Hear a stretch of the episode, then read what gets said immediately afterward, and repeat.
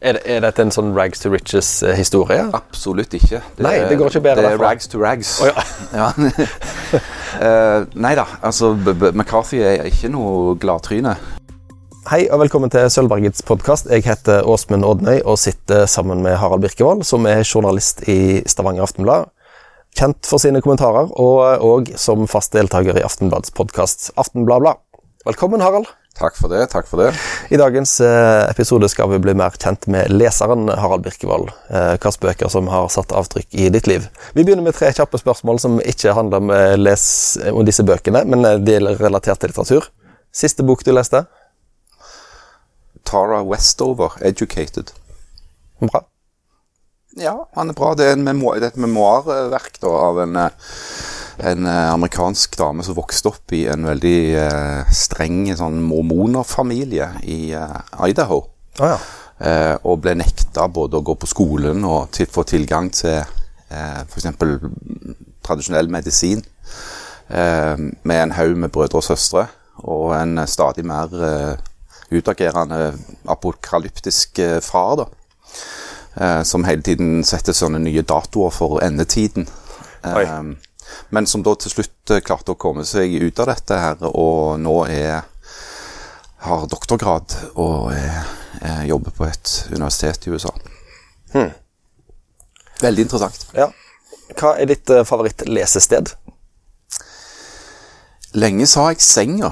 Altså, jeg har lest forferdelig mye på senga i mitt liv. Eh, etter hvert så har jeg jo da fått med meg at søvnekspertisen sier at det er noe av det absolutt verste du kan gjøre.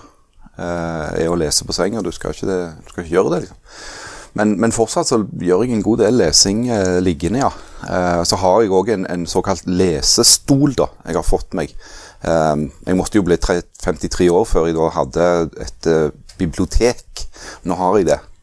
Eh, et lite, relativt bibliotek, da, men allikevel et bibliotek. Og der er det en, en god lenestol og et godt leselys, så det går an å sette seg til da, for å Og det, det, er- det er på en måte eh, Da er du utenfor rekkevidde for de andre, eller kan de henvende seg til deg? De henvender seg til meg, eh, noen av de som da ikke har lært at jeg helst vil være i fred. Men jeg har, jeg har alltid hatt en sånn eh, Når jeg var mindre, eller når jeg var barn, så hadde jeg en sånn evne til å så fullstendig forsvinne inn i bøker og, og være helt utilgjengelig. Eh, etter hvert som jeg har blitt eldre, så, og det irriterer meg faktisk ganske mye, så har jeg blitt mye lettere å distrahere. Eh, jeg klarer ikke på en måte å sluke bøker på samme måte som før. Eller iallfall sjeldnere. Og det er en følelse som jeg savner ganske ofte. Er, det, er dette òg mobiltelefonen sin feil? Eller? Ja, det er mobiltelefonen sin feil, og så handler det òg om at kanskje Altså, Hodet mitt er et ganske sånt eh, travelt sted fra tid til annen. Ja, mye liksom som foregår samtidig, og voksenlivet som melder seg med alle sine krav og forventninger. Ikke sant? Så du, det blir en sånn Det er iallfall helt klart et savn hos meg. Det, det der å kunne fullstendig bli borte i en bok. eh, bare være et annet sted. Eh, og når den, den følelsen dukker opp en gang iblant, så er det helt vidunderlig. Ja. Ja. Siste faste spørsmål er eh, Nå må du kjenne litt på irritasjonen din. Hva er mest egnet til å irritere deg i ei bok?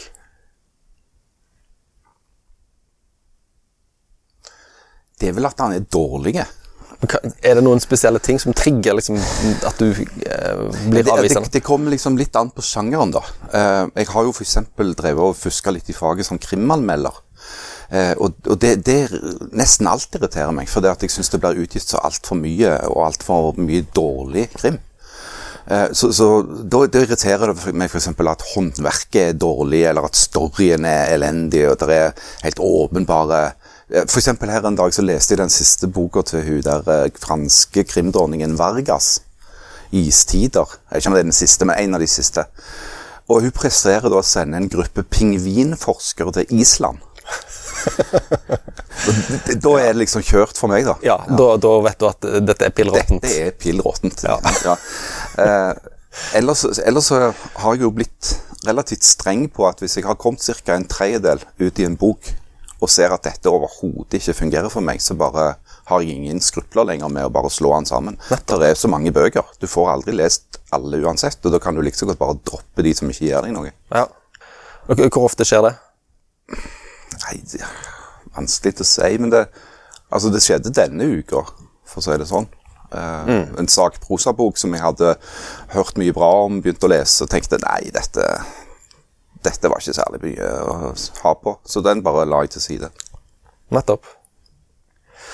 Ok, Vi skal over til dagens hovedtema. Det er jo selvfølgelig en umulig oppgave. Jeg har bedt deg plukke ut eh, tre bøker som har vært viktige i livet ditt, i ulike faser av livet ditt. Så jeg har bedt deg ta et slags metermål og legge livet ditt langs den, og så dele det opp eh, i eh, noen like store biter. Og finne ei bok fra barndommen, ei fra midten av livet fra der du er nå, og ei fra eh, de aller siste årene som har, eh, som har truffet deg og gjort et inntrykk.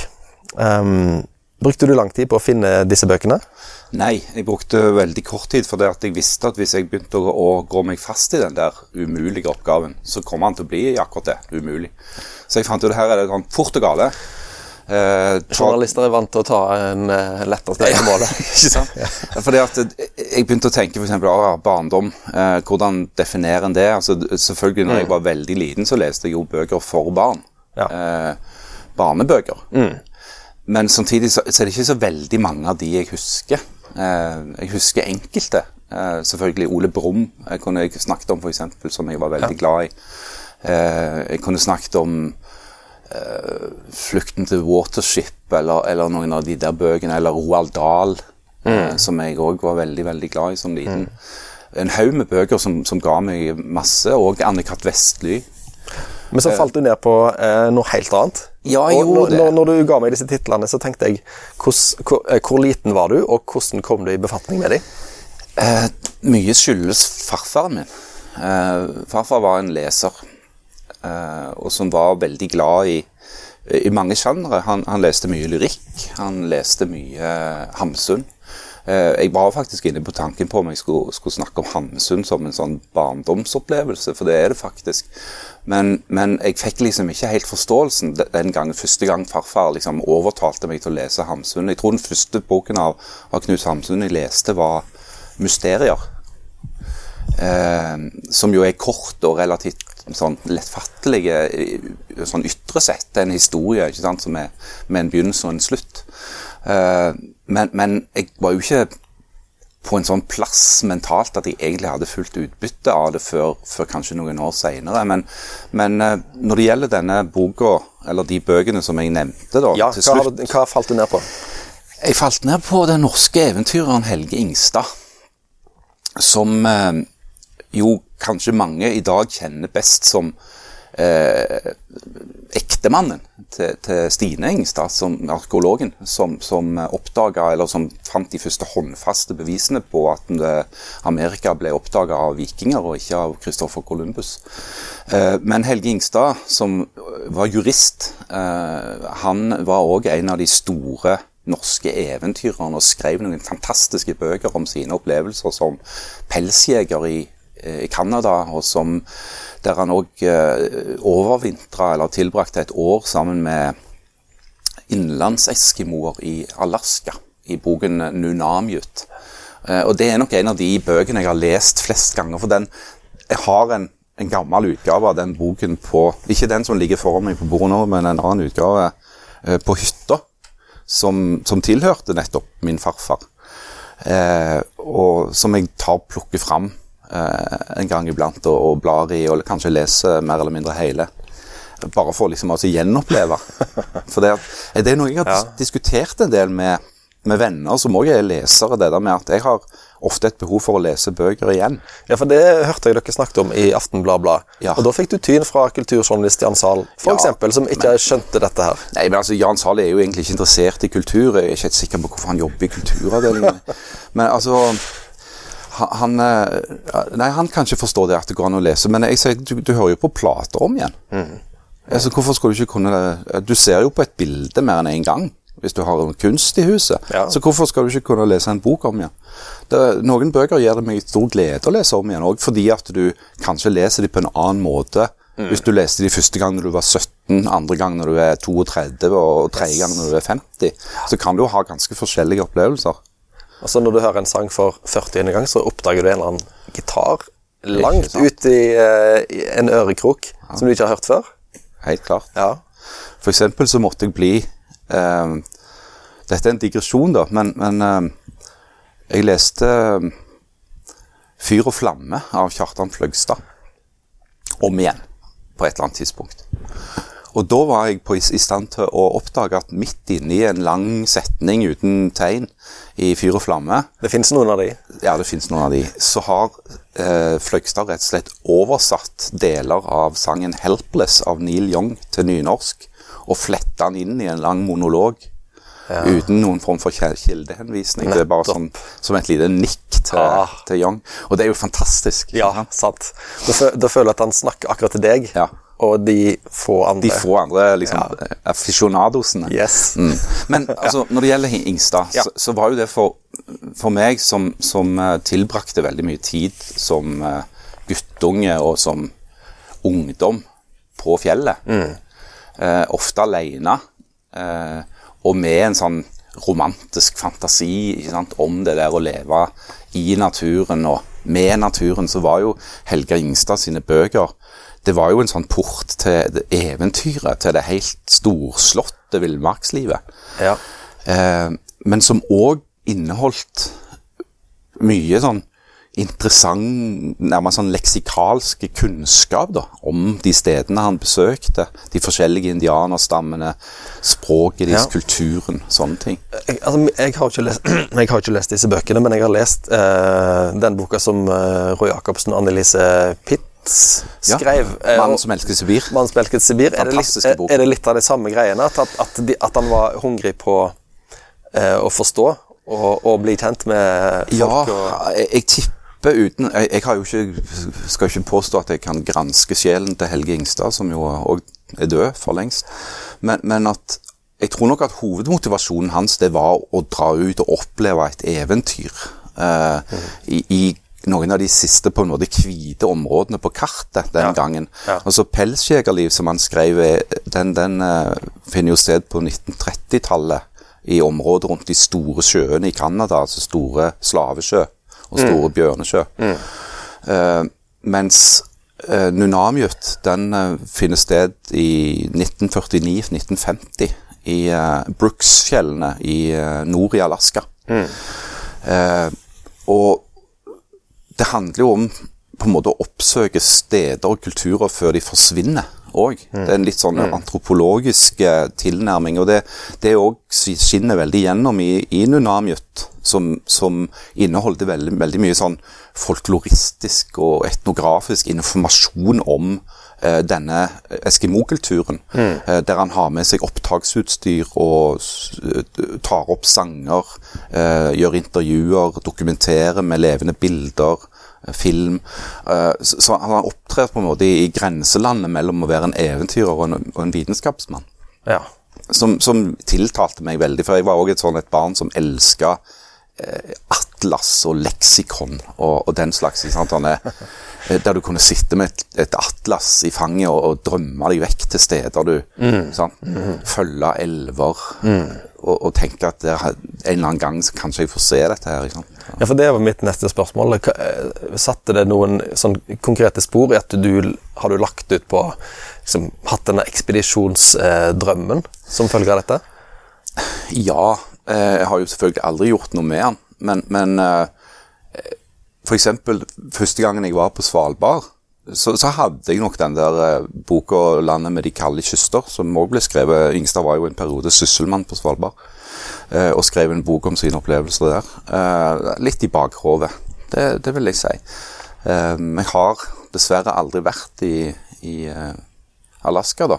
Men det er jo en slags Det hadde jo vært helt fantastisk. Eh, Jeg så forresten akkurat et program med, med Lars Monsen og et par kompiser som er på tur på den såkalte John-elven i, i eh, Alaska. Og der eh, begynner de da i eh, en liten landsby som ligger der som denne leiren eh, Ingstad bodde i i 1949. Eh, som nå er en liten landsby med hus og flystripe og helt forskjellig. Men, men rett ved siden av landsbyen så ligger da Ingstad Mountain. Ja. Et fjell som han fikk oppkalt etter seg av uh, indianerne Eller unnskyld, eskimoene i den uh, landsbyen der han nå dro. Eh, Har du prøvd å anbefale disse bøkene til dine egne barn? Ja, jeg har klart å, å tvinge eh, to av de til å lese Nunamiut. Ja, Har de fått noe ut av det, de òg? Ja, den, det ene barnet eh, som skal få lov å være anonym i denne sammenhengen, eh, hadde ikke noe sans for boka. Eh, det andre barnet, som da fortsatt er arving, eh, satte pris på boka, eller iallfall sa det. Eh, det er det som er fine med den hytta som, som vi har, da, det er at det ikke er internett. Eh, Det er heller ikke mobildekning. Så det gjør jo at lesing framstår så mye mer attraktivt for den unge slekt enn eh, Særlig hvis du kan ha en hånd om hva som finnes av lesestoff der. Ja, altså på hytta så er det en slags veldig sånn eklektiske blanding av eh, gammel krim, eh, gammel, eh, gamle turistforeningsårbøker og så en god del moderne romaner i forskjellige kategorier. Ok, Hvis vi går litt videre i ditt liv og eh, deler din nåværende alder i ca. i to, så er vi kommet til litt over midten av eh, 20-årene, eh, kan vi si. Og eh, da dro du fram en østerriksk forfatter som traff deg på dette tidspunktet. Fortell, sett, sette, Gi oss litt konteksten her. Hvor, Ja. hvor er du i livet når eh, Thomas Bernhard, østerrikeren, eh, blir eh, en mann Ja, når, i når ditt Thomas leseliv? Bernhard strener inn i rommet med en uh, rynke i pannen. Ja, Uh, jo, jeg er nok på det tidspunktet i Bergen. Uh, jeg flytta til Bergen da jeg var sånn ca. 20. Bodde i Bergen i seks år. Eh, og var liksom student eh, med stor S, eh, i lang, svart frakk og kjederøykende på sigarillos. Og med en gusten hudfarge, og da passet jo Thomas Bernhard som hånd i hanske, kan du si. Altså for en sånn litt sånn søkende ung mann. Eh, det var noe med Jeg kunne valgt andre òg, altså forfattere som, som liksom litt sånn halvpretensiøse gutter på min alder leste den gangen. Så, så var det jo eh, Charles Bukowski eller Céline. ikke sant? 'Reise til nattens ende'. Ja. Eh, Beat-forfatterne. Eh, men det var noe med Det var noe med Thomas Bernhard som, som traff meg. Eh, og dette, dette raseriet hans. Eh, og, og han er jo også forferdelig morsom, da. Sannsynligvis uten å egentlig å ville være morsom, men så er han der likevel. Eh, og òg med et veldig sånn kompromissløst syn på kunst og kunstens betydning og litteraturen og filosofi og musikk som, som jeg syns var dypt fascinerende. Eh, og han har en helt særegen stil, Bernhard. Han, han, han tar noen sånne generaloppgjør med det landet han kommer fra, Østerrike. Eh, så Østerrike prøvde jo å gi Bernhard en rekke litterære priser, kulturelle priser. De fleste nekta han å ta imot. Eh, andre ganger så tok han imot pengene og ga eh, prispengene til institusjoner som han visste ville provosere alle østerrikere dypt. Så, så han, han var jo en, eh, en, en rebell, altså. En form for altså, en, en fyr som tok sånn totalt avstand fra sin egen samtid. Eh, Blant annet, altså Et av hans hovedanliggender var jo at Østerrike aldri hadde tatt noe ordentlig oppgjør med det som skjedde under andre verdenskrig. ja. Eh, og denne mangelen på oppgjør eh, opprørte han dypt. Eh, og rollen som den katolske kirka i Østerrike spilte som, ja, som medløper for nazismen, da, var noe som prega han veldig. Eh, I tillegg så mente han at Østerrike var helt dominert av et veldig sånn lammende, småborgerlig, kult, finkulturelt miljø som han egentlig bare hadde forakt til overs for, men som han òg selvfølgelig tilbrakte mesteparten av livet sitt sammen med. Så det var noe med den der dobbeltheten hos han òg. Eh, men, men alt det der er jo på en måte det ytre ved Bernhard. Altså det rent forfattermessig, altså språ, språklig syns han er, helt uh, unike. Fantastiske stemme. Helt, eh, det, det er liksom som Du vet når du, du kan høre hva for en gitarist det er som spiller. ja. Du kan òg høre det Altså, du kunne sett et eh, Jeg tror iallfall jeg kunne sett et stykke av Bernhard eh, og helt umiddelbart gjenkjent eh, hans stemme i det han skrev, uansett hva han skrev om. Og det er noe som er veldig verdifullt, syns jeg. Altså Forfattere som har en sånn instrument. En, en, en, en egen eh, tone i det jeg skriver. Ja. Sånn som Solstad har, f.eks. Ja, ja. Det er jo ikke tvil om at det er Solstad som skriver. ikke sant? Nei, sant. Og det er nok av de som har prøvd å imitere han, eller som Ja, ikke sant? Og, og, men parodiene blir aldri så bra som Nei, de gjør ikke originalen det. heller. Selv, selv når Knut Nærum gjør det, så, så blir det liksom ikke helt det samme. Nei, det er jeg helt enig i. Helt enig. Hvis folk eh, skal lese ei bok av eh, Thomas Bernhard som start, hvor er det de bør begynne henne? Litt usikker. at altså, det kunne være eh, liksom fristende å nevne 'Trær som faller', eh, som jo er en sånn Et ekstremt nådeløst oppgjør med eh, det østerrikske, eller wienerske, borgerskapet, da. Ja. eh, intellektuelle snobber og, og pretensiøse kulturmennesker eh, som samles til et slags eh, aftenselskap etter, et, eh, en teaterforestilling, tror jeg det er. Altså, det er noe eksotisk med det òg. Altså, det der å lese om et på det tidspunktet hadde jeg jo sannsynligvis ikke vært i Østerrike, eller muligens bare reist gjennom på interrail, eller noe sånt, men kunne jo egentlig i utgangspunktet ingenting om eh, det indre livet rundt eh, liksom, eh, teateret i Wien. Men, men det er jo bare kulissene. Ja. Altså det Raseriet hans er jo allment, og det var jo det som, som talte til meg den gangen. Mm. Var. Var du sint? jeg, ja, jeg prøvde iallfall å være det. Ja. så, eller, du, ja, du er jo litt sint når du er 20. Hvis du ikke er det, så er det, er det noe galt med deg, tror jeg. Altså, du, du må jo være litt sånn ja, Ha litt piggene ute, tenker jeg. Eh, hvis du bare godtar eh, alt du ser rundt deg når du er 20 år, så, så kan det jo gå så galt som helst. Det var jo noe som talte til meg i det, det rebelske ved, ved Thomas Bernhard, men òg ved det der kunstsynet hans som er så kompromissløst. Sånn som insisterer på at kunsten har sin egen autonomi og sin egen rolle, og så- som ikke kan være en sånn medløper for samfunnsinstitusjonene. Da. Det skal på en måte være uavhengig. Det skal være kontrært. Det skal være litt kantete, og, og det skal være noe motstand i det. Og det er et kunstsyn som jeg deler fortsatt. Hvis en går videre da til eh, Harald Birkevold i de siste årene Men Du har med deg eh, Cormac McCarthy. Ja, Han har jo etter hvert fått et stort publikum, eh, og han er blitt filmatisert og i det hele tatt. Mm. jeg, jeg, jeg har ikke lest så mye av han, men når jeg hører Cormac McCarthy, så tenker jeg vold, USA, sørlig USA, knappe setninger. Er jeg inne på noe da, eller? Ja og nei. Eh, altså, ja i den forstand at eh, Cormac McCarthy sitt univers er jo de amerikanske sørstatene. Grenseområdene mot, mellom, mellom USA og Mexico. Sjøl kommer jo ikke McCarthy derfra, da. Han kommer fra eh, Tennessee. Men som jo òg er i sør, da.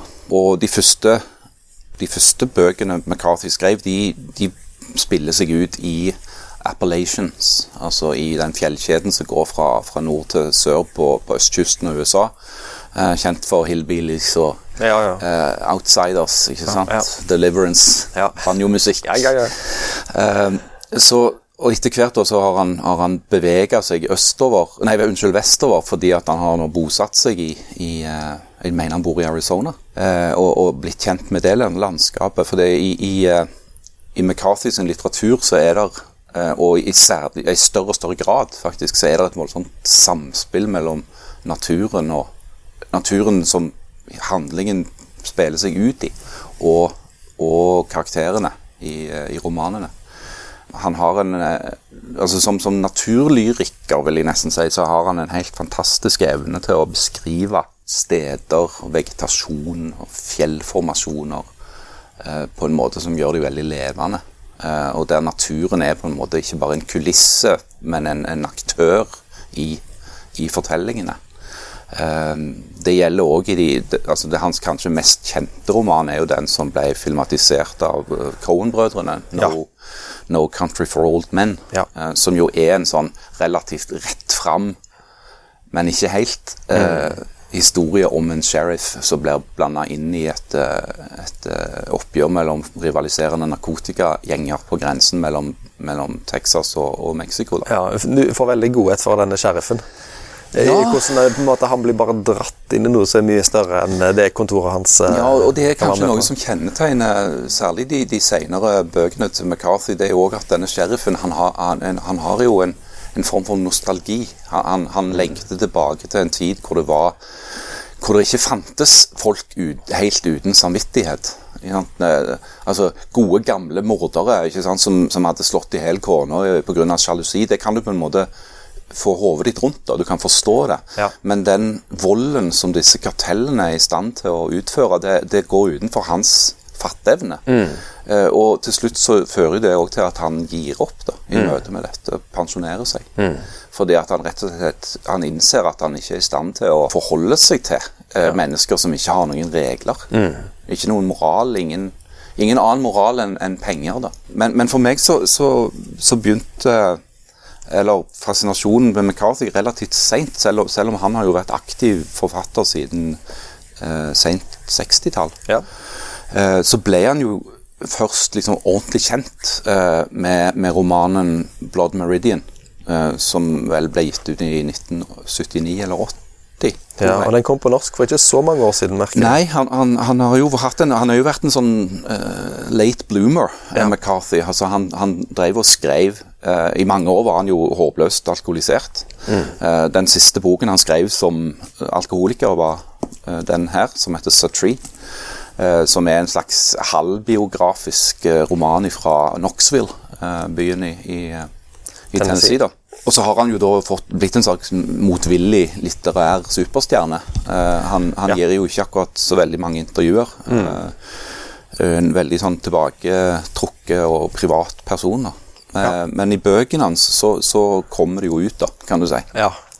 Eh, og, og Blood Meridian, blodmeridianen på norsk, den, den er jo eh, Det er jo noe av det mest voldelige du kan, kan Det, lese. det har jeg blitt advart om, at det er mye skalpering og all slags galskap i. Ja da, det, det, det er blodig. Altså det, det første drapet i Blood Meridian skjer på side to, eh, og siden eh, kjører den på, da. Ja. Men er det, er det den du ville begynt med hvis du skal prøve deg på McCarthy? Nei, jeg Nei. ville begynt med Sutree, Ja. som er en fantastisk eh, roman om eh, en ung mann som har kommet litt skjevt ut. Uh, han er kommet på kant med familien, og når vi, når vi treffer han, så bor han i en uh, falleferdig husbåt på Tennessee River, under en bro i, i uh, Knoxville, og li- livnærer seg som fisker i denne sterkt forurensa elven, da, hvor han drar opp eh, en og annen fisk, men også mye annet rart. ja. Er, det, er dette en sånn rags to riches-historie? Absolutt ikke. Nei, det går ikke bedre Det er derfra. rags to rags. Oh, ja. uh, nei da, altså McCarthy er ikke noe gladtryne i, i det hele tatt. Eh, men, men du kan vel si at historien om Satree og hans liv i, i Knoxville den, den foregår over en relativt kort periode. Jeg tipper ja, maksimum et par år. Har jo en slags utvikling, da. Det, det skjer noe i Sotrees liv som gjør at han kanskje kan klare å komme seg videre. Ja. Eh, for han er jo i en, en slags is- eksistensiell krise.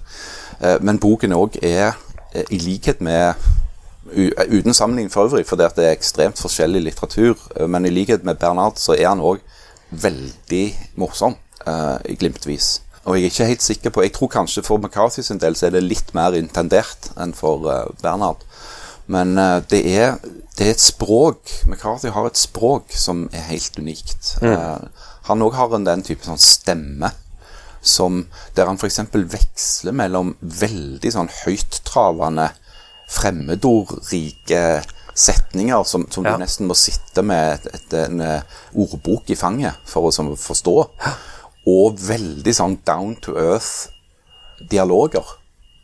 Sant? Der folk ja. snakker Dette er jo fattigfolk som, som, som snakker, men når- han går ut av den referentrollen og over i den mer sånn beskrivende, så blir han altså et slags overflødighetshorn av fantastiske formuleringer. En, en, en observasjonsevne som er helt fantastiske. For meg så høres det ut som en, en veldig sånn behagelig, bølgende bevegelse når du leser det. At du, du går fra det ene til det andre, og så får du variasjon. Ja, og det er jo det som er så fascinerende med Blood Meridian òg, at selv om det er en eh, Altså, den, den ytre fortellingen der er jo bygd sånn halvveis på en sann historie. For e- etter den eh, meksikanske uavhengighetskrigen og, og krigen mellom USA og Mexico på, på 1840-tallet, så eh, ble det sendt ut en såkalt straffeekspedisjon, ledet av en som kalte seg for oberst Glanton. Eller kaptein, tror jeg muligens han var. Kaptein Glanton. Og han samla en gjeng med leiesoldater som eh, i utgangspunktet ble hyra av myndigheter i nord i Mexico for å eh, drepe apacher. Som de hadde store problemer med apachestammer som herja i det nordlige Mexico. Eh, men etter hvert så, så gikk denne her ekspedisjonen helt over styr, og Glanton-gjengen begynte å drepe alle de traff. Eh, helt uten eh, hensyn til om de var apasjer eller andre folk. Eh, og det, det ble en, en slags massakre. Og Glanton ble jo da fredløs, og, og til slutt så ble han da, da drept. Ja. Eh, så den, det er den rammefortellingen som, som eh, McCarthy har valgt å bygge dette rundt. Mm. Men han har jo da tatt seg enorme friheter i å sette Glanton inn i situasjoner han beviselig aldri var i. Eh, Og han introduserer jo da denne mystiske figuren Holden. ja. som jo er en av de mest eh, ja, kan vi si, gåtefulle skikkelsene i moderne litteratur. For det Holden er både en filosof og en naturvitenskapsmann, en morder, en kunstner. Han er et slags altmulig menneske, og han behersker alt like godt. Det er en mistanke hos enkelte litteraturkritikere og litteraturvitere som har diskutert eh, Harold Bloom, eksempel, som jo var veldig den kjente amerikanske litteraturteoretikeren, var veldig opptatt av, av Holden sitt potensial som en gud. da. Eh, jeg ser vel på Holden òg som en slags allegori eller metafor for mennesket. Altså det mangesidige ved mennesket. Altså både det vakre og groteske i, samme skikkelse. Eh, at han er, han er i stand til å Han er i stand til å spille fiolinkonserter og diskutere eh, filosofi samtidig som han skalperer småbarn. Ja. Og det er jo sånn menneskene er, ja. faktisk. Du har ytterpunktene der.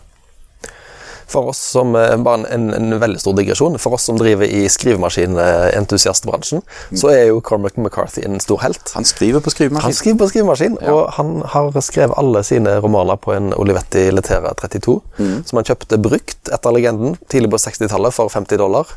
Ble solgt på auksjon for 254 000 dollar i 2009. Ja, det ser du. Så gikk han og kjøpte seg ny brukt en til 100 dollar. Ja, altså, han er jo, han er jo noe av en stribukk, denne Ja, sant? Han insisterer på å levere manuskriptene sine maskinskrevet. Ja. Men han, han lever jo da uten IT-support. Han, han trenger bare ark. Ja, han og litt trenger eh, blekk. Litt blekk, fargebånd. Han hadde, han hadde aldri reparert denne maskinen sin, så han hadde blåst den tørr for støv en gang. Mm, Så han, har tatt ringveien rundt eh, egentlig den moderne datateknologien, Han har det. kan en si.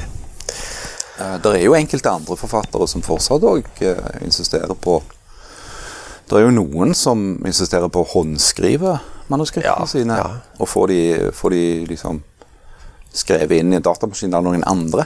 Ja. Det er òg en variant. ja. Men til og med Paulus holdt jo på sånn. Han, jeg tror ikke han skrev Paulus sine brev sjøl. Det var en slave som skrev de foran. Ja, han hadde en assistent. Ja, assistent. Ja. Det har vel du òg i kommentatoravdelingen? Ja, det, jeg, har, jeg har ikke skrevet noe sjøl på veldig mange år. Nei, du har eh, Det, er- det venter på HR. Ja, det hadde vært greier, altså. At du Jeg hadde husker jo, gått det var sånn eldre, eller hadde jeg liksom sånn eldre kolleger som snakket om den gangen de bare kunne ringe inn til diktafonen. Og satt Ja. et menneske i den Ja. andre enden og bare noterte det du sa. Så du kunne bare, Hvis du hadde en telefon, så fikk du liksom levert saken din. Ja. Men eh, Harald, til slutt et spørsmål som eh, presser seg på. Eh, to spørsmål som presser seg på. For det første, du som leser så mye og skriver hver dag. Har du sjøl noen gang hatt lyst til å skrive bok? Ja, jo da, jeg har det. Altså, du, du har jo liksom lekt med tanken. Hva hvilken sjanger i så fall? Nei, det, det jeg ikke vet. Altså, det er bare en sånn der eh, uformulerte tanke om at det kanskje kunne vært kult å prøve å skrive noen gang. gang. Uh, men jeg snakket faktisk med, med Bjørn Arild Ersland Ja. en- her en dag. Ja. I fjor eller forfjor. Nei, i fjor skjedde det ingenting. Det må ha vært i fjor, for, forfjor. Eh, der han sa at du må, du må jo bare liksom Du må jo bare gjøre det. Du må bare begynne. For du kan ikke sitte og sånn tenke og tenke på at og å ha liksom et ferdig produkt i hodet. Du, du må liksom bare gjøre det. Og så begynne, og mesteparten kommer til å være dritdårlig, så må du bare hive det, så må du bare gjøre det en gang til. Og så må du bare holde på. Um, og jeg skulle jo ønske jeg hadde tid til det. Ja. um, men um, Ta, ta en tre måneders permisjon, dra til hytta, skrive noe skrive noe. Ja. Det hadde Men det, det, er jo, det er jo litt sånn angstfullt òg, da. Tenk at jeg har blitt skikkelig dårlig. Ja, men altså, du, du får jo Du skriver jo mye, mye kommentarer som får masse tilbakemelding hele veien, og de er ikke alle positive, de heller, så, Nei, absolutt ikke. så Snarere tvert imot. Ja, men Men du tenker det ville vært eh, liksom, enda mer å legge hodet på blokka og skrive en, noe som kom ut i innbundet form? Ja Altså, nå kjenner jeg jo noen forfattere Ja. ganske godt, Ja, ja. sånn personlig. Ja. Eh, og hvis det er én ting jeg ikke misunner de, så er det det der at du men, altså det, er jo, det ligger liksom i sakens natur at du, du setter deg til å skrive, så driver du på med det alt etter hva slags type forfatter du er, da, så driver du på med det mellom et halvt år og to år. Ja. Og så gir du det ut, og så sitter du der som et slags nervevrak og venter på at noen skal bruke en time på å lese den boka og si at den er enten kjempebra eller helt drit. Ja. Eh, det må jo være Det må jo være som at altså, blottlegge seg fullstendig og så få altså Når det gjelder journalistikk, sant, som, som jo er ferskvare Ja. eh, Kommentarjournalistikk det, det lever noen dager, kanskje i beste fall noen uker. Eh, og det er en slags lettelse ved det òg. I gamle dager så sa de jo at dagen etterpå så er det innpakningspapir. dette her, Ja. Du pakker inn fisk i det. Eh, I dag så er det nok litt annerledes, fordi at ting har et mye lengre liv uh, på, på nettet. da. Du kan gå tilbake og, Ja, det det. og finne uh, Men, men det, er, det er noe som jeg har veldig sånn ærefrykt for. Det er den der så, som ja, Ikke bare forfattere, men, men filmskapere, billedkunstnere, regissører Altså hva, slags det det er liksom sånn du har lagt så veldig mye arbeid i det, du har lagt så mye av deg sjøl i dette, og så skal det vurderes av noen som har deadline. Som helst skulle ha levert eh, anmeldelsen omtrent før de er ferdig å lese boka. Eh, og det tenker jeg ofte er litt sånn respektløst òg. Altså, denne konkurransen mellom mediene om å være først ute med anmeldelser. Når du da vet at vedkommende kanskje bare har hatt noen timer på seg til å vurdere et verk som en forfatter har jobba med i lang tid, det er litt sånn Jeg får en litt sånn dårlig følelse òg noen ganger. Ja, ja. Men så har jeg jo gjort meg skyldig i det sjøl. Jeg har jo sjøl anmeldt bøker. Ja, Sant? ja. Ja, nei. Men kanskje en dag um, Kanskje en dag skal jeg dra på hytta og sette meg ned med en eh, gammel Olivetti og hamre ut. De, de er ikke så dyre. Du finner de på Finn. Jeg kan spørre deg hvis jeg Du kan, trenger. du kan få låne min. Jeg har ekstra farg, fargebånd òg. Ja, veldig bra. Ja, Veldig bra. men det siste spørsmålet er Hvis du ser på måten du skriver på sjøl i, i avis, Mm. hvem er de mest tydelige inspirasjonskildene i din egen eh, skriving? Kan, er det noen navn du kan, som du tenker at disse har direkte innvirkning på hvordan jeg formulerer meg? Jeg er ikke sikker. Uh, altså, Det er jo noen journalister um, som jeg setter veldig høyt. Uh, men jeg er ikke sikker på om du ville sett noe av det i det jeg skriver sjøl. Det, det har jeg egentlig aldri prøvd å, å gå tilbake og sjekke heller. Men, men det er klart at det er enkelte personer, altså enkelte journalister, som jeg har lest og leser fortsatt med stort utbytte. Eh, og, og det er kanskje òg enkelte sånne leveregler i journalistikken som, som eh, jeg har prøvd å, å, å la meg inspirere av. Eh, for eksempel, altså, du har Hunter Thompson for eksempel, med hans insistering på altså noe som, som lenge var merkelig nok ikke akseptert, allment akseptert, det er at journalistikk er jo per definisjon subjektivt. Altså Denne illusjonen om objektiv journalistikk den har jo levd i beste velgående helt opp i, i våre dager. Men det er jo for meg helt åpenbart at i og med at journalistikk i stor grad handler om å velge Du velger hva du vil skrive om, og du velger hvordan du vil skrive om det du velger å skrive om. Der har du tatt to valg som er helt avgjørende, eh, og som gjør at det, altså det, det, det, du, kan, du kan fint ha et krav til objektivitet og sannhet og sånt noe, unntatt i, i meningsjournalistikken, som per definisjon er subjektiv. Ja. Eh, samtidig som du, du, du, du må kunne erkjenne at eh, du har tatt et valg. Eh, og det, det har alltid forundret meg at det har sittet så langt inne hos mange kolleger. Altså, Jeg har kolleger som, som fortsatt mener at det de driver på med, er en form for sånn objektivitet. Og det er jo ikke det. Eh, det. Det er jo valg hele tiden. Ja. Dette er en sak, dette er ikke en sak. Ja. Så, så det, det har kanskje vært en ting som har påvirka meg ganske mye. At det, eh, du, må, du må prøve å rett og slett bare blåse i den der eh, forestillingen om at du driver på med, med noe som er helt sånn nøytralt, verd- verdinøytralt. For det gjør du ikke. Ingen mennesker gjør det. Ja. Uh, og så er det jo òg enkelte forfattere som jeg, eller journalister slash forfattere som jeg setter høyst nettopp fordi de er det. Altså De opererer i et slags grenseland mellom journalistikk og, og litteratur. ja. Er det noen navn du har der?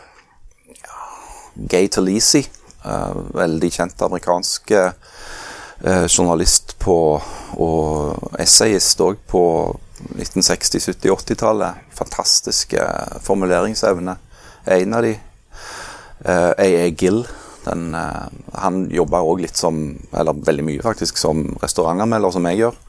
Eh, og var altså, utrolig på den britiske måten. altså Fantastisk frekk. Altså, altså denne, denne, britiske avistradisjonen, ikke sant? hvor, hvor, hvor eh, de, de er jo så frekke at du kan lure på om det, hva det er mulig å, slippe unna med det. liksom. Men, men eh, han gjør det jo fordi han skriver så forbanna godt. Ja. Uh, og så han skriver med en form for sånn arrogant uh, suverenitet. Sant? Altså han, har, uh, han har ordet i sin makt i, Ja. i, i, i, i den rett forstand, altså. Ja. Uh, du, men det er òg enkelte altså samtidige norske journalister og kommentatorer som jeg, som jeg setter høyt. eh, jeg har alltid hatt veldig veldig sans for f.eks. Eskil Engdahl i Dagens Næringsliv. Hans måte å skrive på og hans måte å, å lage reportasjer på syns jeg er forbilledlig. Og han har vel gitt ut bøker òg, sant? Han har gitt ut bøker mer enn i, i, i, i sagprosasjangeren. Ja. Ja. Om Om Jakten på Tønder', f.eks., som han skrev sammen med en kollega som kom ut for et par-tre år siden. En fantastisk røverhistorie om, om piratfiske i, eh, i, ute på verdenshavene. Ja. Eh, Og jakten på da, dette piratskipet Thunder, eh, som som er beskrevet på en helt fantastisk måte. Og det, og det, det er jo alvorlig miljøkriminalitet, men det er òg en slags ja, en kriminalroman, nesten. Eh, Så det, det klarer liksom å, han klarer liksom å lure folk til å, å lese om ting som de burde være interessert i, med hjelp av eh, sjangere og teknikker som er effektive. Og, og det er jo ofte det journalistikk handler om, det er jo å prøve å få folk til å interessere seg for, folk til å, for ting som du mener er viktig. da. Ja. Um, og da må du bruke noen virkemidler for å dra folk inn. Sant. Nøkkelrollen til journalistikk da, det er vel å prøve å få folk til å interessere seg for en kompleks og forvirrende verden. Uh, fordi det er viktig, da. Fordi dette er ting som du trenger å vite hvis du skal være et informert menneske. En samfunnsborger. Det var et fint ord. Det, vi slutter med det. Samfunnsborger. Vi fikk ikke sagt ordet samfunnsoppdraget her. Det pleier alltid å være med hvis en snakker med en eh, journalist. Jeg kan si det nå. Samfunnsoppdraget. Samfunnsoppdraget, der var den i boks.